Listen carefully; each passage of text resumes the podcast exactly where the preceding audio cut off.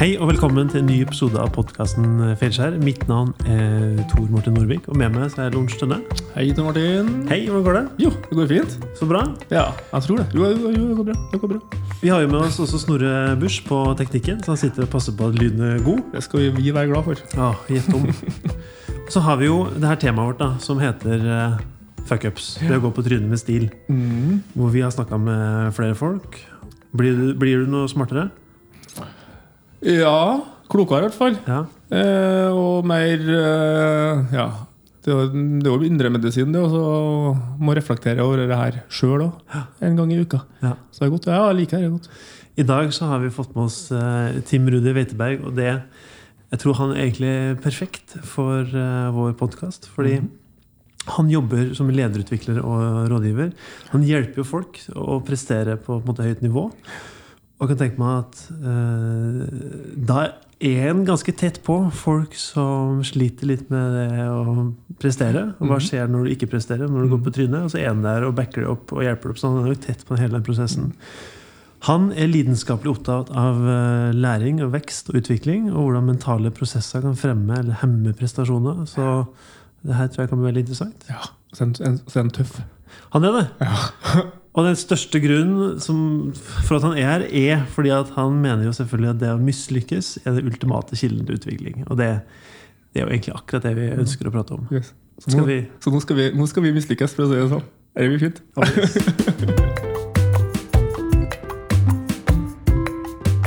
Velkommen til oss, Tim. Takk. Sier jeg Tim Rudi eller Tim bare? Du, eh, det kan du velge. Ja. Takk for at du ville ta deg tiden til å komme og prate med oss. Ja, kjempekjekt at jeg fikk lov til å komme. Eh, For de som ikke har fått gleden av å jobbe med deg og Mind, hvem, hvem er du, og hva gjør du?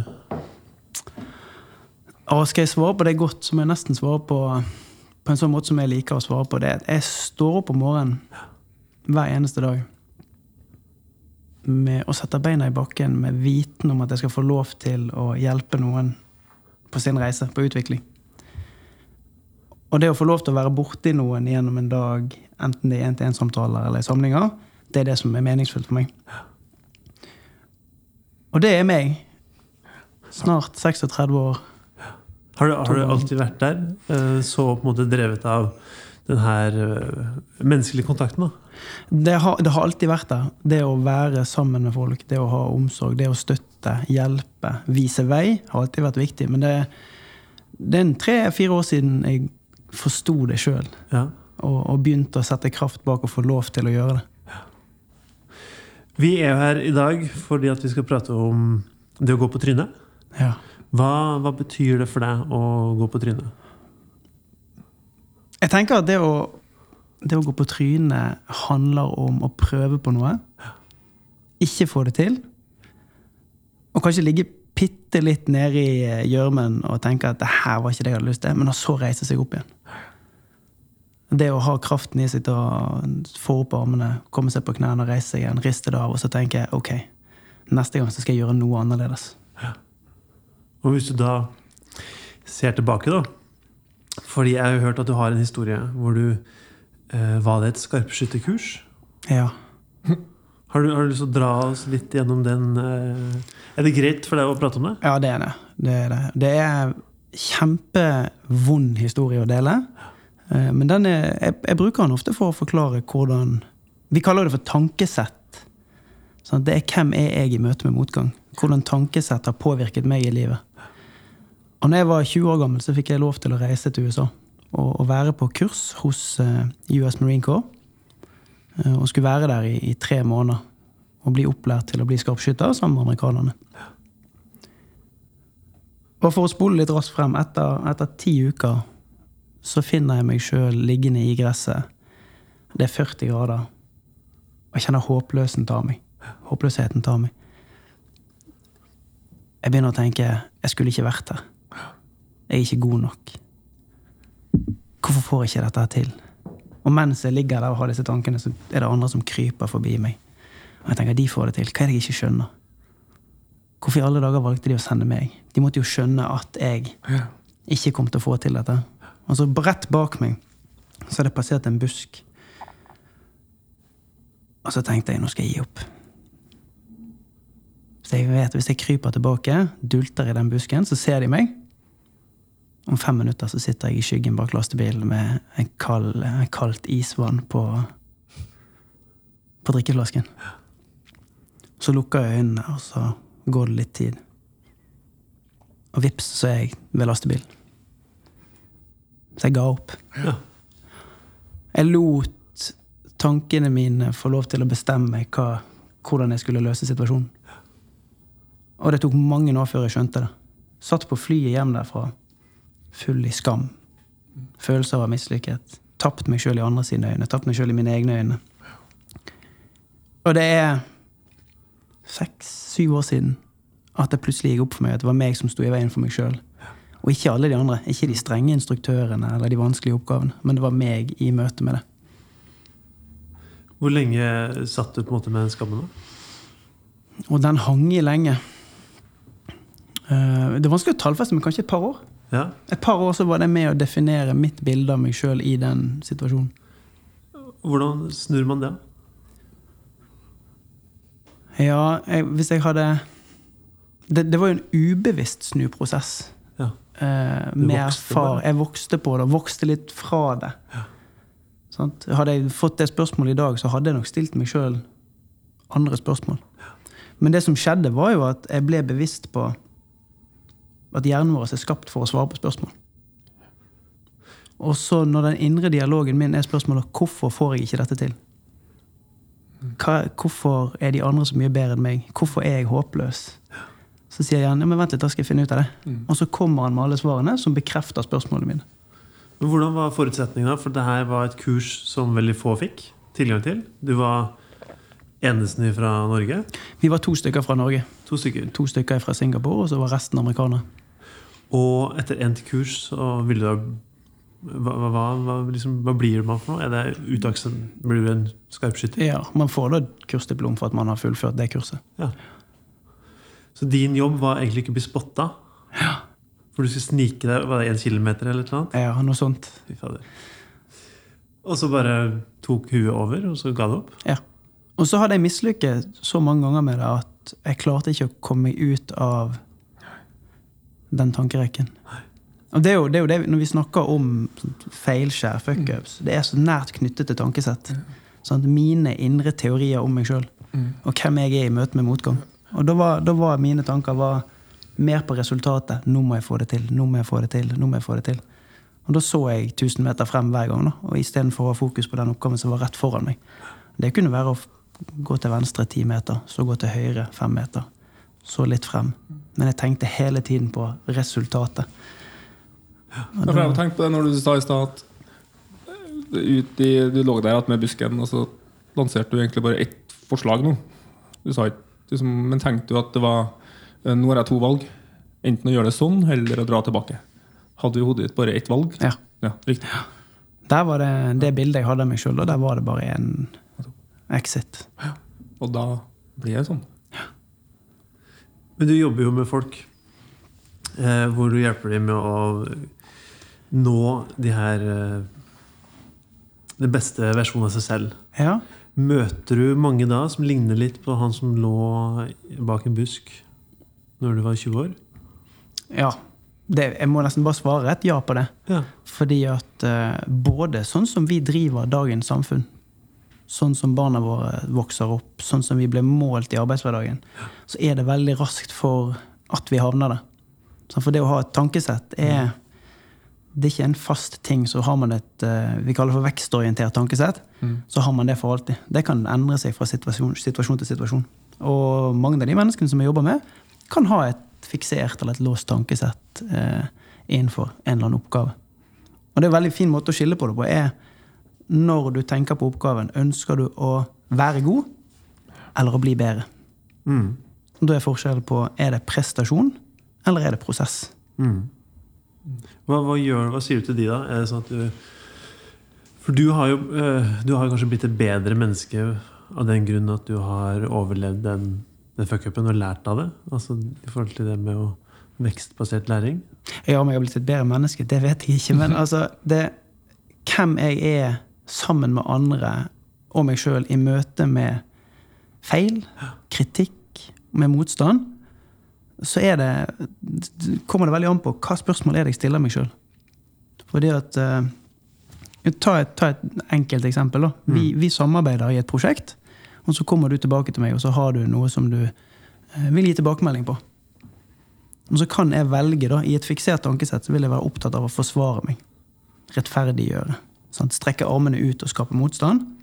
Mens når jeg er læringsorientert eller vekstorientert, så vil jeg spørre hva kan jeg lære av det her? Hva muligheter er det som fins? Hvordan kan jeg gjøre det annerledes neste gang? Og gjennom det, så, om jeg ikke blir et bedre menneske, så blir iallfall tankeprosessene rundt sånne situasjoner eh, bedre. Ja, ikke sant. Nå handler det om hvem, følelsen, hvem som eier, altså, følelsen av hvem som eier utfordringa. Eier jeg utfordringa, eller er det noe eksterne som på en måte eier den og påvirker meg? Om, kan, om du tar eierskap til det eller ikke? da. Ja, Det syns jeg er en veldig fin måte å si det på. Ja. For vi kan alle ta eierskap til det. Nettopp. Og vi må, og fordi at hodet vårt er mm, altså, vi, mennesker, altså Religion har ikke funnes hvis vi ikke ville hatt svar på ting. På en måte, som du sa, så Hjernen og kroppen skal ha svar hele tida. Og da må vi ha ansvarliggjøring. Vi må få no, enten må du eie sjøl for å finne svarene, eller så må du plassere eierskapet på noen, sånn at du kan gi dem et svar. Ja, Og da blir det jo riktig spennende. ja og så kan du tenke, tenk på det at du står, og noen har lyst til å gi deg en utfordring. Og hvis du har et fiksert tankesett, da, så vil du se på det som en mulighet til å mislykkes. En mulighet til å miste ansikt. Til å ikke være så god som andre tror at du er. Sant? Du har kanskje jobbet deg opp en, en standing i noen sine øyne, og hvis du tar den utfordringen og bommer, så har du ikke bevist deg dyktig nok. Men hvis du er læringsorientert, så ser du på det som en kilde til vekst, til ut, utvikling, utforskning. Og, og det er litt sånn, Eierskapet handler jo om å ta armen nærmere seg og si ok, men det her skal jeg prøve. Jeg tør.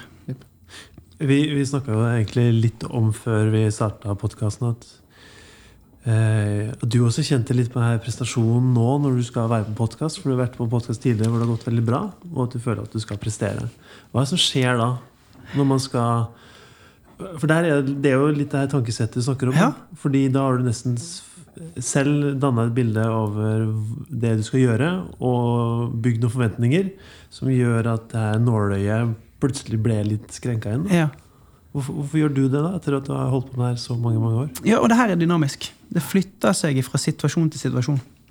Du kan være kjempelæringsvillig på, på gymnastikktrening og forsøke å lære deg å ta salto, Ja. Men så skal du løse en arbeidsoppgave som har med tall å gjøre, så må det være korrekt, og så blir du redd for å gjøre feil. Mm. Og det var Vi jobber jo veldig mye med fag, forskning. eh, Det å ha godt fundament for det vi snakker om. Så når, jeg- når jeg gikk en tur på toalettet her før vi begynte, så, så kom de tankene. Nå må du huske å gjøre det riktig. Sant? Det skal være godt. Du, nå skal du prestere. Og da må jeg arrestere meg sjøl på tur opp trappen igjen og si ok, ja, men der kom den tanken. Sant? Og det handler litt om hvordan forvalter jeg tanken. Ja. Og, og en mekanisme som jeg gjør, er at jeg deler med dere. Vet du, Nå kjenner jeg at nå, nå banker pulsen litt. Eh, nå kjenner jeg at nå, nå har spenningsnivået bygget seg opp litt. Ja. Og så kan vi snakke litt om det. Og så, For det er så utrolig fin egenskap å bare si eh, I helga skal jeg i en konfirmasjon hvor det første han sa, han som skulle holde talen, at Oi, nå ble jeg litt nervøs. Og det er så fint å bare kunne ærlig si det, for da åpner det liksom opp egentlig for eh, hvordan du har det i hele rommet, så du får så mye mer velvillig da. Og det tror jeg er en fin måte å angripe en sånn ting på. Og noen som sa noen gang til meg at du må bare se for deg dem i rommet her og sånt, som et eller annet. Så tenker jeg at du øh, Nå kunne jeg jo ha tenkt en Tor Martin og Lorentz, og jo noen to gnomer og nisser. Så sitter sikkert og ser for deg oss nå, som noen to sånne nisser. Det er ufarliggjøring. Nei, men jeg har litt sånn øh, 17. mai, nei, 17. mai konfirmasjonstale, òg. etter fire setninger så begynte jeg å grine så mye. Jeg skulle 17. mai, nei, 17. mai hvorfor sier jeg? Eh, konfirmasjonstale til han som er onkel til. Og jeg grein, og jeg grein, og jeg klarte ikke å fullføre talen.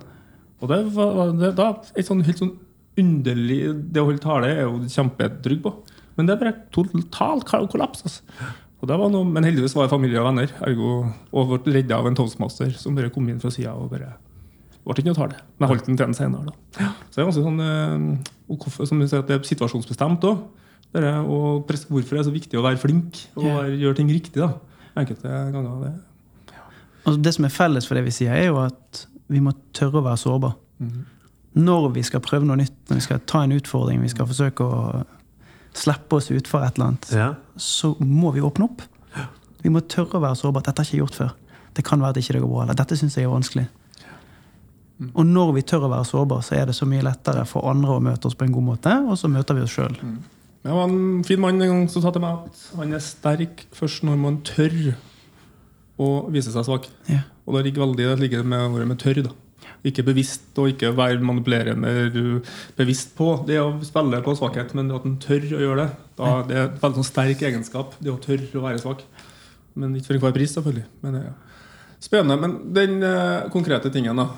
Prosessen der mm, i profesjonelle livet ditt nå Memorerer du tilbake til hvordan hjernen din var i bus, busken? der noen ganger. Bruker du det på en måte Det jeg kjenner nå, er jo når, når jeg får en følelse Ja. som kan være høyere puls, Ja. begynner å bli klam i hendene, eh, kjenner at jeg er litt andpusten. F- Hos meg så flakker blikket litt når jeg blir eh, oppgiret.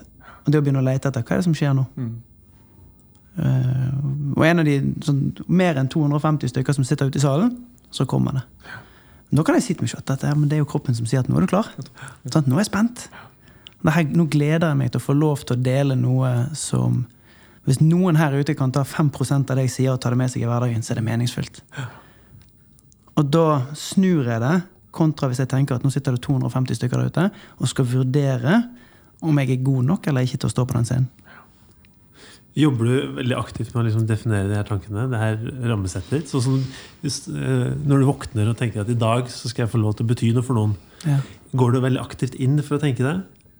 Sånn at uansett hvilken situasjon du kommer i, så blir du veldig flink til å eh, ha lave skuldre da, og kose deg egentlig med det du holder på med. Det, blir, det er vel redningsvesten min. Når jeg blir usikker, så vet jeg at da kan jeg holde i den og så kan jeg si men jeg er her fordi at det er viktig for meg òg. Og det, det er jo det vi kan gjøre. Vi kan finne oss disse holdepunktene og så kan vi knytte det. Så når vi kjenner på at vi begynner å bli litt fastlåst sant? For når vi, når vi har et fiksert tankesett, så, så snevrer hodet vårt seg inn. sånn at vi får tunnelsyn. Kognitive funksjonene eh, reduseres. Og det å klare å komme seg ut ifra det og si ja, men jeg gjør jo dette fordi at det er gøy. Det, er det, det er gøy å bli utfordret. Jeg sa ja til denne arbeidsoppgaven her fordi at jeg vet at jeg vil strekke meg. Det er ikke sikkert jeg får det til første gangen. Eh, men hvis jeg mislykkes, så kan jeg stoppe opp og så kan jeg tenke igjen, ok, hva skal jeg gjøre annerledes neste gang. Og lage en ny strategi, og så prøve på nytt. Altså, jeg, har jo lest en artikkel som du har skrevet, og der også så står det at vi, vi er ikke så flinke til å hylle hverandre eller feire hverandre eller støtte hverandre. Eh, og så skriver du at når man er liten, eh, uansett hvor mange ganger ungen din detter på sykkelen, så er du der og sier 'det her får du til', kom igjen, kom igjen. Men så fort de begynner å bli eldre, så skal du ikke falle så mange ganger for at nei, nå må du finne noe annet å gjøre. Hva er det som skjer? Hvorfor slutter man på en måte å, å støtte opp under folk? Ja, det, det er flere ting. Hvis jeg kan ta, jeg har et sånt lite resonnement på det. fordi at når vi, når vi snakker om tankesett, og du spurte jo litt i sted, hva gjør vi for å komme oss ut av det? Og det viktigste tingen er har vi fokus på prosessen, eller har vi fokus på målet? På resultatet. De to tingene skiller ofte hvilket tankesett vi har. Og så går vi tilbake til denne ettåringen. da. Når eh, barnet som er ett år skal lære seg å gå, så faller det i snitt Jeg vet ikke hvor mange ganger et barn faller i snitt i timen. I snitt 17 ganger i timen. Og dette har de gjort på en studie der de har telt. Og det er ikke en eneste gang vi som bror, søster, onkler, tanter, foreldre, besteforeldre setter oss ned med ungene og så sier vi, «Ah, vet du, det her å gå, du, det ligger ikke for deg. Du kan bare fortsette med å krype. Vi sitter på knærne, og vi heier, og vi støtter. En gang til. Opp igjen. Prøv på nytt. Sånn, vi er verdens beste heiing for Ja. hverandre. Ja, og så Tatt den praten. Kom her nå. Ja, er ikke noe for deg, vet du. Gründere skulle hatt egne bestevenner. Som bare 'Kom igjen, da! Det her går bra'. Og og tenk på, tenk på det. Hvor mange ganger har du prøvd en ny ting, og så etter tre forsøk så har du tenkt ja, men jeg skal prøve 45 ganger til før jeg får det til? Ja, sant. Fint. For når vi er voksen, sant? Så skal vi prøve å hoppe hoppetau, eller vi skal prøve noe nytt. Én, to, tre. Nei, vet du. Og så legger vi den fra oss. Og du hadde da stilt Det er et eksempel som, vi, som av og til bruker. da. Hvis du hadde stilt ti mennesker på rekke, gitt de tre baller som de skulle sjonglere med, og ingen kunne sjonglere fra før Det som hadde skjedd, var at vi hadde prøvd én gang, to ganger, tre ganger, og så hadde vi kjent på motstanden. Den første motstanden 'Jeg får ikke dette til'. Og så hadde vi begynt å se til siden. Så ser jeg bort. at Tor Martin, han Og jeg ser han har fått det til, han. Han er god på dette med å sjonglere. Ja, det ligger ikke for meg, dette. Og så legger vi han fra oss. Og så velger vi det vekk. Og det samme er det på sykkel. Vi støtter, vi backer opp. Du kan se for deg når du har barnet som skal bygge klosser. Treåringen sitter på gulvet og skal bygge klosser. Setter disse klossene oppå hverandre. Hvis vi som foreldre bare skryter når den øverste klossen er oppå Nå var du kjempeflink til å bygge tårn. Og gjør det fire, fem, seks, syv, åtte ganger på rad. Hva er det som skjer da når det her tårnet raser den niende gangen? Mm. Da er jo ikke barnet lenger flink til å bygge tårn. Men hvis vi heller da stimulerer forsøkene Åh, det var spennende. Hva skjer hvis du setter den litt på skeive? Hva skjer hvis vi setter de fargene opp og sånn, og balanserer de litt mer, og så raser de underveis? Så bygger vi nysgjerrighet. Sant? Engasjement. Men Du kan jo rive tårn ni ganger, men du kan ikke ha ni konkurser. Da begynner folk å, å lure hva du holder på med. Hva, vi har et par gründere, for det er jo noen som har spesielt DNA som aldri gir seg, og prøver igjen og igjen og igjen. og igjen Som kanskje ikke har heiagjeng, men likevel er bare sinnssykt standhaftig og, og tålmodig og kjører på. Men de færreste av oss er jo der. De fleste av oss kanskje gir jo opp når de møter litt motstand. Så hva, hvorfor, hvorfor er det så mye enklere å mislykkes når du er liten, liten når du er voksen? Det handler jo om frykten for å gjøre de feilene.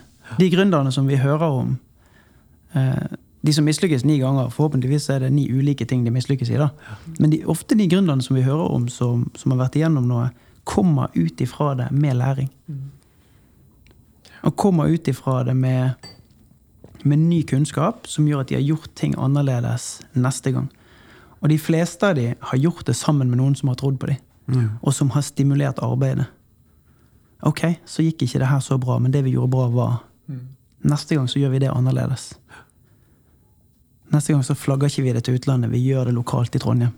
Fordi at Så det handler om altså det, Ja, du kan styre tankesettet ditt inn i situasjon til situasjon, men det handler òg om hvilken læring tar jeg. Fordi at Carol Dweck, som, som står bak hovedforskningen her, eh, hun sa i starten at det her handler om innsats. Hvis du gjør mer innsats, og ikke fokuserer på resultatet, sant, så vil det være bedre for deg. Og Så fikk hun kritikk for det, og så har hun begynt å justere i forskningen sin. For vi ser at innsats sammen med refleksjon, læring og ny strategi er det som er suksessoppskriften. Så det betyr at etter du har gått på en konkurs, så er det nødvendig å stoppe opp, puste og tenke ok, hva var det som skjedde? Hva skal jeg gjøre annerledes neste gang? Og hva kan jeg lære av det? Når du, når du jobber med talentutvikling, hva, hva fokuserer dere på da?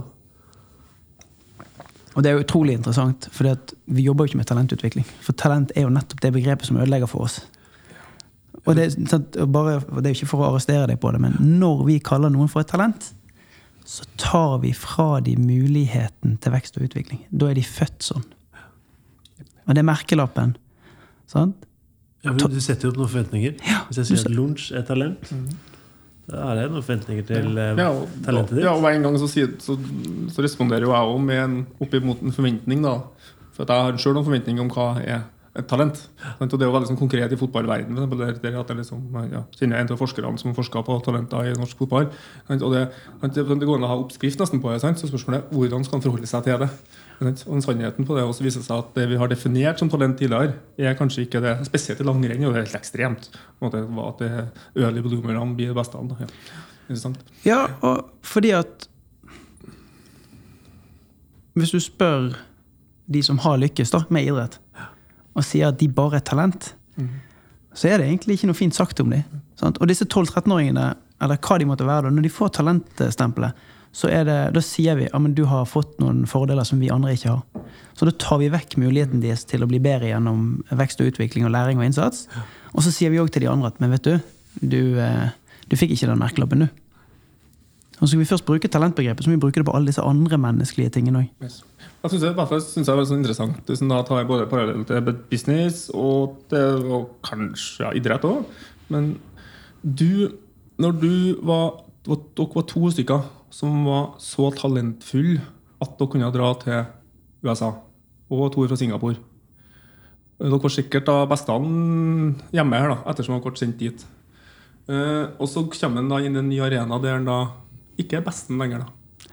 Hva er eh, for da ser jo, Det handler om altså, det å få nye utfordringer i matcher. Sånn i fotballverdenen. da. Er du desidert best fotballspiller i Vadsø, så plutselig så blir du sendt til Tromsø, eh, til Tromsø så er du ikke best lenger. Så er det noen som detter gjennom. For at talentet er kanskje en følelse, like mye en følelse som det er en ferdighet. da. Har du noen refleksjoner rundt det? Ja, og hvis du bare bærer med meg i måten å forsøke å skille det litt, da. Ja.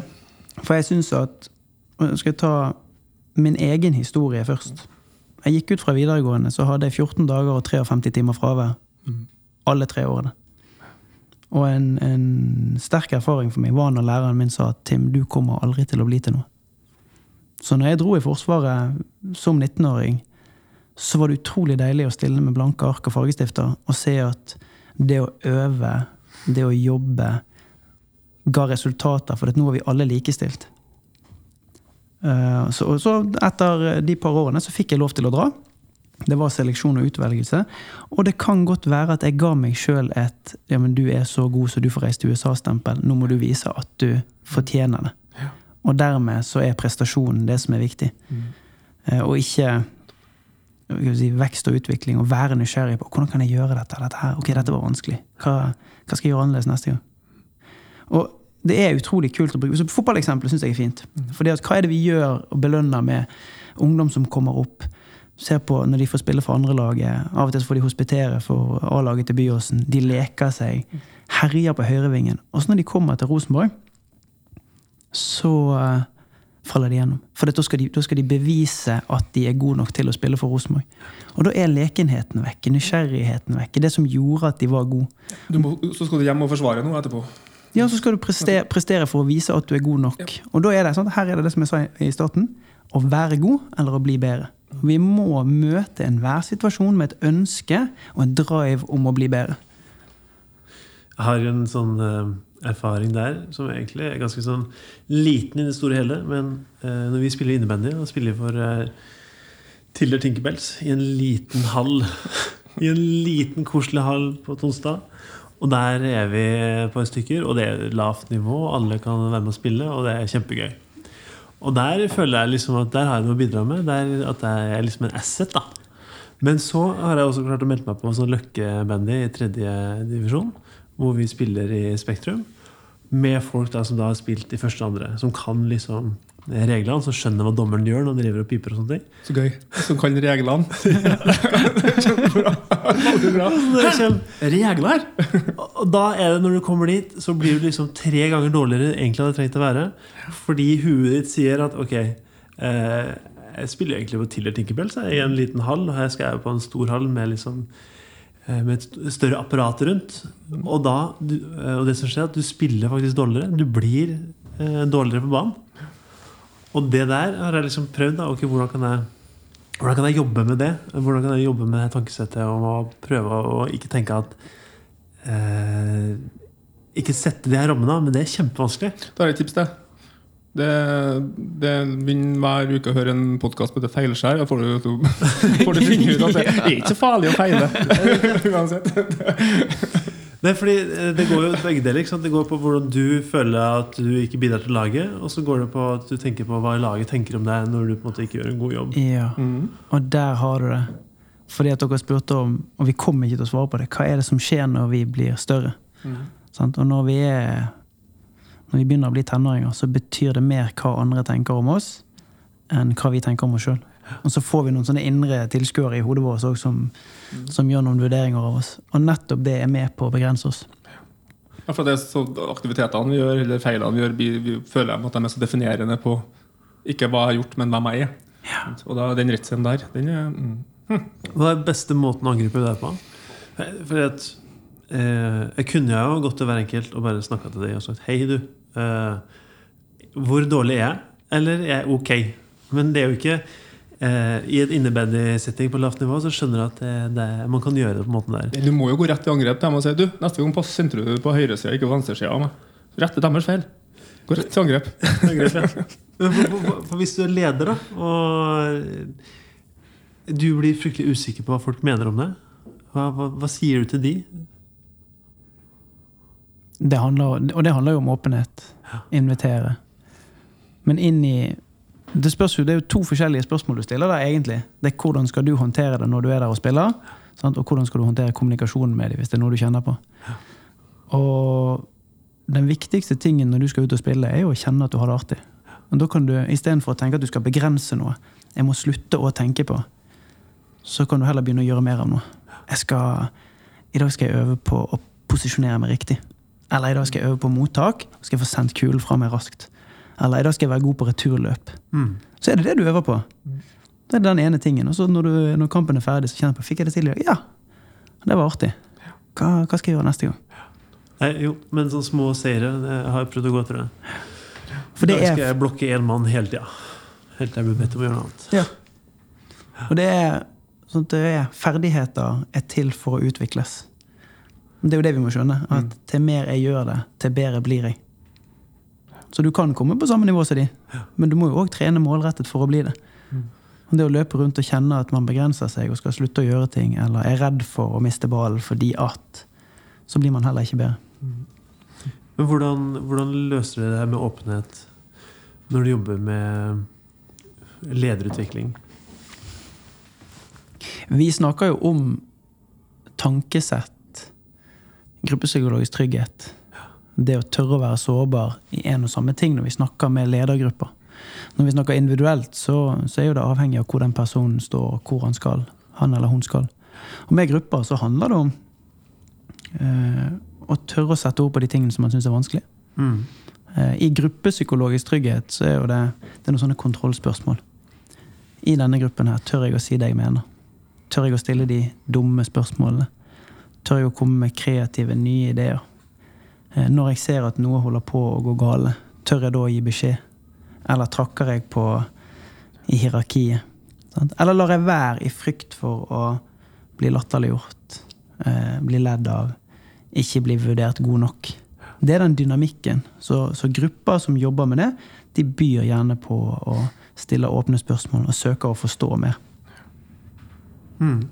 Er, det, er det et utbredt problem med at det er lite åpenhet blant de Du kan kanskje ikke trekke altfor mange erfaringer fra de du jobba med, men, men din magefølelse Sitter du og føler at det fins en del eh, ledere der oppe som sliter litt med å være åpne? Jeg tror i hvert fall at de neste ti årene Så jeg ser i krystallkulen nå, så tror jeg at jeg kommer til å bli preget av å jobbe mer med å skape og etablere gruppepsykologisk trygghet i teams. Og bevisstheten rundt det. Det kommer mye god forskning på det, og hvordan vi mennesker fungerer sammen. Så vi ser, ser vi det at relasjoner og samspill er så viktig. Og da er jo det lederen sin oppgave å legge til rette for det. Og de lederne som er bevisste, og som gjør det fra et faglig perspektiv, vil jo forsøke å, å oppføre seg og ha en atferd i den retningen. Og så er det de som søker kunnskap om det, og så er det de som ikke helt vet hva det er, og kanskje syns det er ubehagelig eh, å være åpen og vise sårbarhet for å skape tettere bånd. Men det, jeg tror absolutt det vil prege måten vi, vi kommer til å jobbe på de neste årene. Ja, det, det virker som åpenhet er på en måte et stikkord som det Det bare blir mer og mer liksom begeistring rundt, og at flere ønsker seg det, egentlig. Det er jo litt derfor vi har det. med Ja, så, inn, så er det blitt forretningsmodeller. Vi kommer jo fra en verden med lukka og åpne kildekoder på nettsider osv. Sånn, jeg var med på en kar som skrev et prosjekt på det for en del år tilbake. Han tok tak i åpenhet i sorg, lederstil og i teknologi. Da. Og så så han på flere ting. Ja. Og så med sånn parallellene der hele tida. Altså, Åpenhet handler ikke om bare altså, åpenhet handler ikke bare om å brette ut på ting som er vondt og ekkelt, og sånt, men det handler altså om at lederstien eller forretningsmodellen eller er åpen for innspill. Som, og det da går fortere i vekst. Og du må, men du må rigge deg rundt det. på en måte. Det med å tørre å være åpen på forretningsmodeller og teknologi og alt. Og der kom jo denne open source-bølgen og det trumfa alt som var eh, fornuftige, fornuftige forretningsmodeller på at du skulle eie ting sjøl. Snudde jo med den. Så det er ganske sånn interessant. eh, Det er en del av samfunnet vi er i. Kanskje det er en motpol mot, eh, mot det vi ser i dag. At det å være ekte og autentisk er noe som vi etterspør mer. At du kjøper ikke lenger et produkt fordi at en eller annen Instagram-profil eller en idrettsprofil har det på luen sin lenger. Mm. For det er ikke en ekte anbefaling av et produkt. Vi vet at de er kjøpt og betalt. Så det, men når noen kommer til deg og sier vet du, det her har jeg faktisk prøvd, og det her er kjempebra, fordi at så har vi større tilbøyelighet for å akseptere det. Vi er ferdig med den tida der var Jahn Teigen sto i Sida Hør og sa at han var personlig konkurs, og så uka etterpå markedsførte han et produkt. Vi kjøpte. Vi er ferdig med tida der.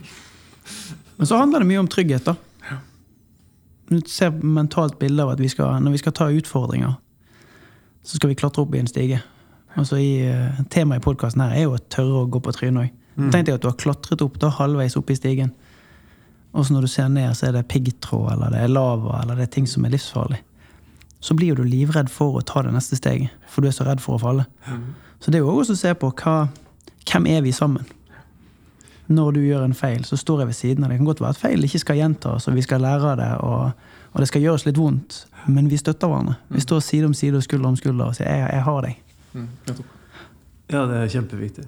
Og det som er morsomt her, er at det er jo Tim faktisk som fikk oss til å publisere de her episodene litt raskere enn jeg hadde trodd. Ja, For vi hadde jo tenkt å spille inn masse episoder og vente kanskje til høsten, og så begynne å tenke på om vi skulle Og det er jo så gøy, for at vi, heldigvis som vi snakket om flere ganger i podcasten her, at grunnen til at vi starta det her, var for at vi skulle omdefinere Dere må være så flinke hele tida. Og så var det ja, faen, la oss feire. Og Så ble det du som sa det, og sa en podkast. Og mot hvert vi bestemte oss for det, så gikk vi jo inn i flink-modus. Skulle lage selge inn episoder. Og, og så var det en team som etter to innspilte hørte at vi sa det. Og så sier du at Nei, beste måten å lære er å slippe med en gang. Det er først da dere begynner å, begynner å se hvordan folk responderer på det, og så begynner dere. Og da jeg tror opprinnelig planen så skulle vi slippe en gang i 14 dager. Ja, en gang 14 Og så ble det plutselig en gang i uka. Ja. Så Tim, vi har alltid å takke for deg der. At vi er på gyngende grunn fortsatt, men gøy. Kjekt å høre. Vi skal jo Så det var et godt råd. Det et godt råd. Det, å, ja. Så en god, um, det er en god uh, filosofi der, Tim, å være flink til å si til folk at bare gjør det. Gjør det. Prøv nå. Prøv nå. Det ikke så, og vi opplevde jo at det ikke var så farlig. Selv om vi var sånn veldig opptatt av at vi skulle være Det skulle bli bra. Og, Men det var veldig, veldig fint. Ja, han kom, ja, han kom et perspektiv som jeg ikke hadde tenkt på engang. Så jeg bare send det ut, og så kan du justere etter hvert. Tenk deg hvis dere har seks eh, episoder klare, og så sender dere ut én, og folk hater det. Og så sitter du med fem til som må komme før den muligheten til å endre på det. Og det hadde jeg jo ikke tenkt på i det hele tatt. Så nei, det var fint, det. Men vi må, vi må oppsummere, og da kan du jo egentlig starte først med deg, Tim. Hvis du drar deg helt tilbake til du var 20 år igjen, eh, hva hadde du sagt til deg selv når du ligger der og kjenner at eh, du har lyst til å komme deg så fort som mulig til den eh, lastebilen? Jeg tror lenge før jeg hadde vært i den situasjonen, så hadde jeg tenkt hvordan skal jeg klare dette? Hva muligheter finnes det? Og etter hver gang jeg hadde mislykkes før det, så hadde jeg tenkt hva skal jeg lære? Hva skal jeg gjøre annerledes? Kanskje til og med spurt hvem er det jeg ønsker å være i møte med disse utfordringene. Veldig, jeg er veldig opptatt av den her indre dialogen og de åpne, vekstorienterte spørsmålene. Da får du mye gratis drahjelp. Så du har eh, egentlig en dialog gående med selv stort sett hele tida? Hvor du prøver å se forbi egentlig den sperra som ligger foran deg?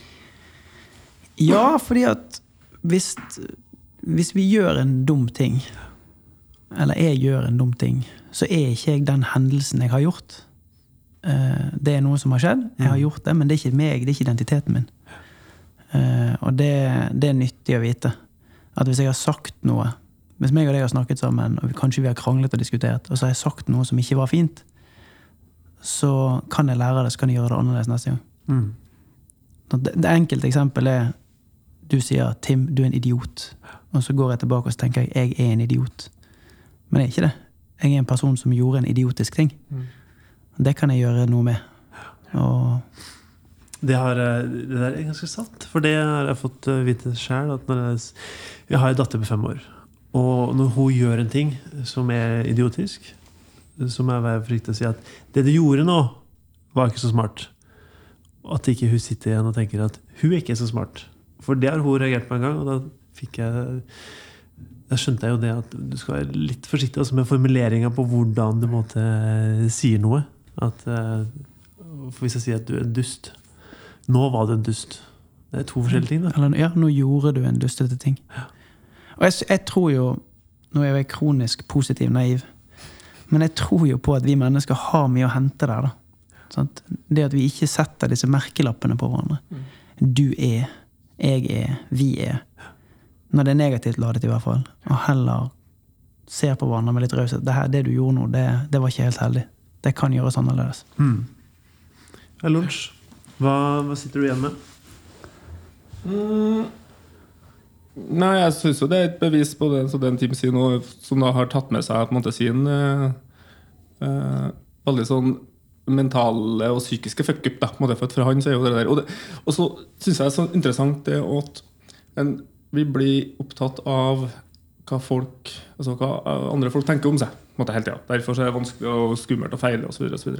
Men den historien til en Tim da, det er at det kunne jo Jeg er jo imponert bare at han ble sendt til USA og vært med på det der. Men opplevelsen er alltid sin egen. Han opplever det som en fuck-up, det som skjedde her. Mens hele verden og så er han redd for hva verden skal tenke om meg. Men i resten av verden tenker jo «Dæ, Fikk lov til å få ut USA og bli tenkt han var flink. Men det hjelper jo ikke det når han sjøl tror og tenker at det var en tabbe eller dårlig. Ja. Og så syns jeg sånn litt interessant Jeg øh, har jo hatt en, øh, altså en gutt på, som jeg var stefar til i mange mange år i livet mitt. Og han, jeg tok meg sjøl for en del år tilbake at han spurte når han var jeg gammel, var fire-fem år, ja. så spurte han når han skulle ta på seg skoen er det feil. Er, så, er sko- skoen feil? Og det er feil vei om det. Og så begynte jeg å tenke på hvorfor, hvorfor sier han det bestandig? Hvorfor spør ikke han om det er rett? Og det er jo fordi jeg har jo poengtert hver gang kun når det var feil. Jeg poengterte jo aldri at, Og så testa jeg hvor fort kan jeg få han til å begynne å spørre om det er rett i stedet. Og, begynne, og det handla jo bare om å gi en ros Ja. for at? Og det er jo for at ja, da, som sier, Halvparten av gangene tok jeg på seg feil i starten. Eller, men jeg har jo alltid en av ti ganger. Men hver gang så sa jeg jo nei, det er feil fot. For selvfølgeligheten å ha på skoen rett tok jeg jo ikke hensyn til. Og så da ble det meg, Hvorfor spør han meg? For jeg begynte jo hver gang å spørre er det feil. Er det feil? Og da følte jeg har, det var så det definerte meg så mye som menneske. følte jeg. Det, at, det betyr at jeg kun har fokusert på negativet til han. Men, så var, men det gikk ganske fort altså, å snu til at han begynte å spørre om er det rett. Er det rett? Ja. Det er rett. Da fikk jeg lov til å si ja n- ni ganger, i stedet for å si nei én av eh, ni ganger. Kjempetips. Nå fikk jeg bare lyst til å dra hjem og si at ja. det er rett. Ja, Jeg sier det nok mye sånn, feil. ja, for det var veldig sånn konkret. Altså. Husker jeg på, kjent veldig for at det var, gikk utover mitt ego. Jeg var kjent så mye på det. Hvorfor spør han om det er feil? Faen, hvor, åh, for en, ja. Og det er nok en ting som er viktig å ta med seg. Ja. I lederutvikling. Og jeg, jeg, jeg, jeg, jobb, når jeg var håndballtrener, og så jeg trener generelt, da, opp gjennom tida, så har jeg alltid tenkt mye på det der. På at vi må identifisere hva er det utøvere tror de er flinke på. Det kan være helt annet enn hva de er flinke på. Men da må de få ros for det de tror de er flinke på. Ellers var det helt umulig for meg å jobbe på det de egentlig var flinke på. Og det var en sånn, Finne ut hva det er, og så rose det. Mm. For, det er jo ikke, noe. for da, da får du handlingsrom til å jobbe med det de egentlig var gode på. Eller, ja, for det er ganske sånn, ja. Og så syns jeg det er et fint perspektiv her med at det at en må ha tørr tørre å lage seg et handlingsrom på det og eh, åpenhet rundt folk rundt seg. Nok til at en kan teste grensene hele tida. Så en interessant og fin prat, det syns jeg. Ja, det var godt å få kanskje det her mindset-perspektivet. For det har vi ikke snakka om så mye før. Før så har vi snakka om konkrete fuckups og hva som skjedde, og hvor mye penger man tapte på det. Men her er det jo på en måte noe alle kan ta med seg, fordi at eh, uansett hvordan det går på trynet, så er det jo du selv som kan være med å definere det i etterkant. Altså eh, hvordan kan du hindre at det her skjer neste gang? Men også det å komme deg i forkjøpet og bare ta ta grepet på situasjonen og si at eh, ok, nå, nå kjenner jeg at det her er å trå litt utafor komfortsonen. Men da har jeg noen tanker som jeg kan liksom bare lulle meg inn i, som gjør at jeg får grep om det.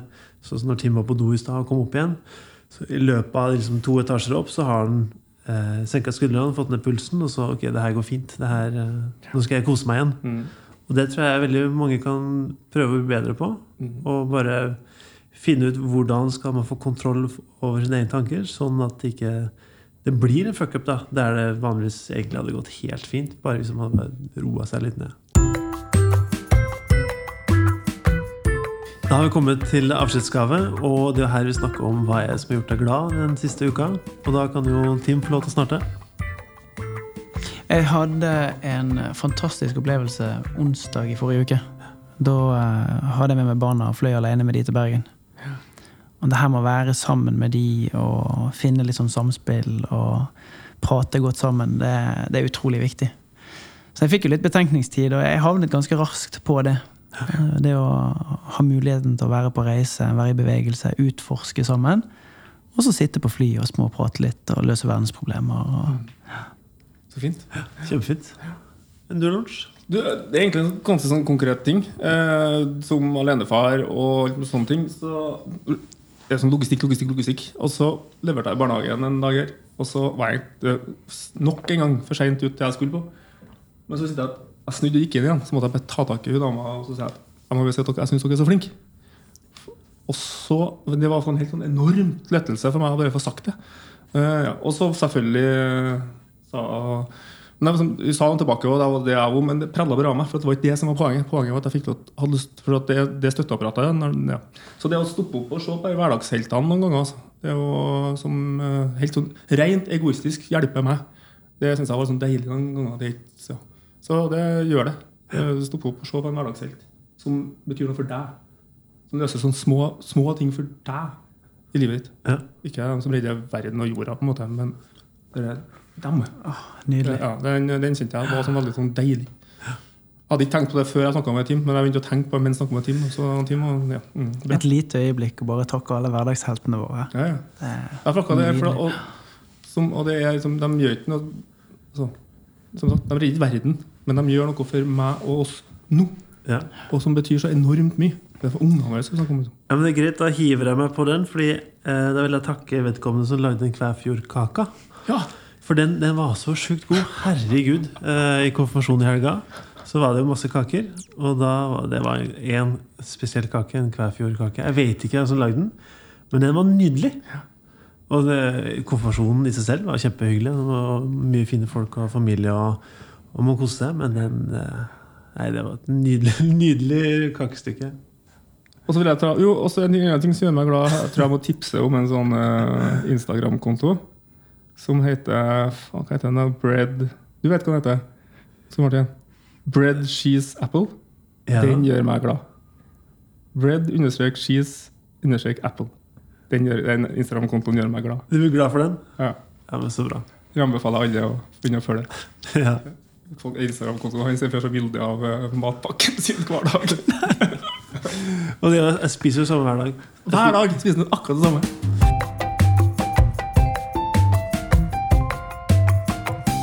Takk til de som har fulgt oss eh, så langt, og stor takk til deg, Tim, for at du ville komme. Tusen takk for at jeg fikk lov til å komme. Du, eh, For de som har lyst til å bli litt mer eh, kjent med deg, hvor, hvor skal man gå på nett for å finne ut mer? Jo, jeg tror det beste er å følge nettsidene våre på Facebook. Mind.as Mind AS på Ja. Facebook og Mind AS på Instagram. Der forsøker vi å dele de tingene vi gjør eh, av faglig karakter. Litt sånn praktiske tips og triks. Og vi skal opp med aktiviteter òg, så der kan det være mye ting å henge seg på. Ja, ja men Kult. Neste gang så skal vi prate med Arnstein Hellem, og han er jo banksjef hos Sparebanken Midt-Norge. Han eh, Det som er litt kult der, at han hoppa fra hoppbakken da han var 14 år og ødela mye av eh, føttene sine, og det har endra ganske mye i livet hans. Så det, Der var det en kursendring som har sørga for at han har havna der han har havna. Så har jeg spurt om han hadde noe fuckup, så ja, han hadde noen, og de skal vi prate om. Og så tok vel da Julia Navarsete anbefalte oss å få oss en klem av han. ja? Jo da. Så vi skal stjele til oss en klem her nå. De, de varmeste, beste klemmene våre. Ja, stemmer. Så jeg gleder meg til Vi skal ha med en podkast der vi sitter bare og klemmer han. vi skal klemme 40 minutter. Og for de, dere som hører på, hvis dere har en historie som skal dele med oss, så må dere gjerne ta kontakt. Send oss en mail på feilskjær.uredd.no, så skal vi få historien din ut og frem i lyset. Så trykk uh, subscribe, da slipper du at du må laste ned manuelt hver, hver uke. Og så gi oss gjerne stjerner hvis du liker det du hører. Podkasten her er produsert av Uredd og Lytespor i Media og kommer ut hver mandag. Ha en fin dag.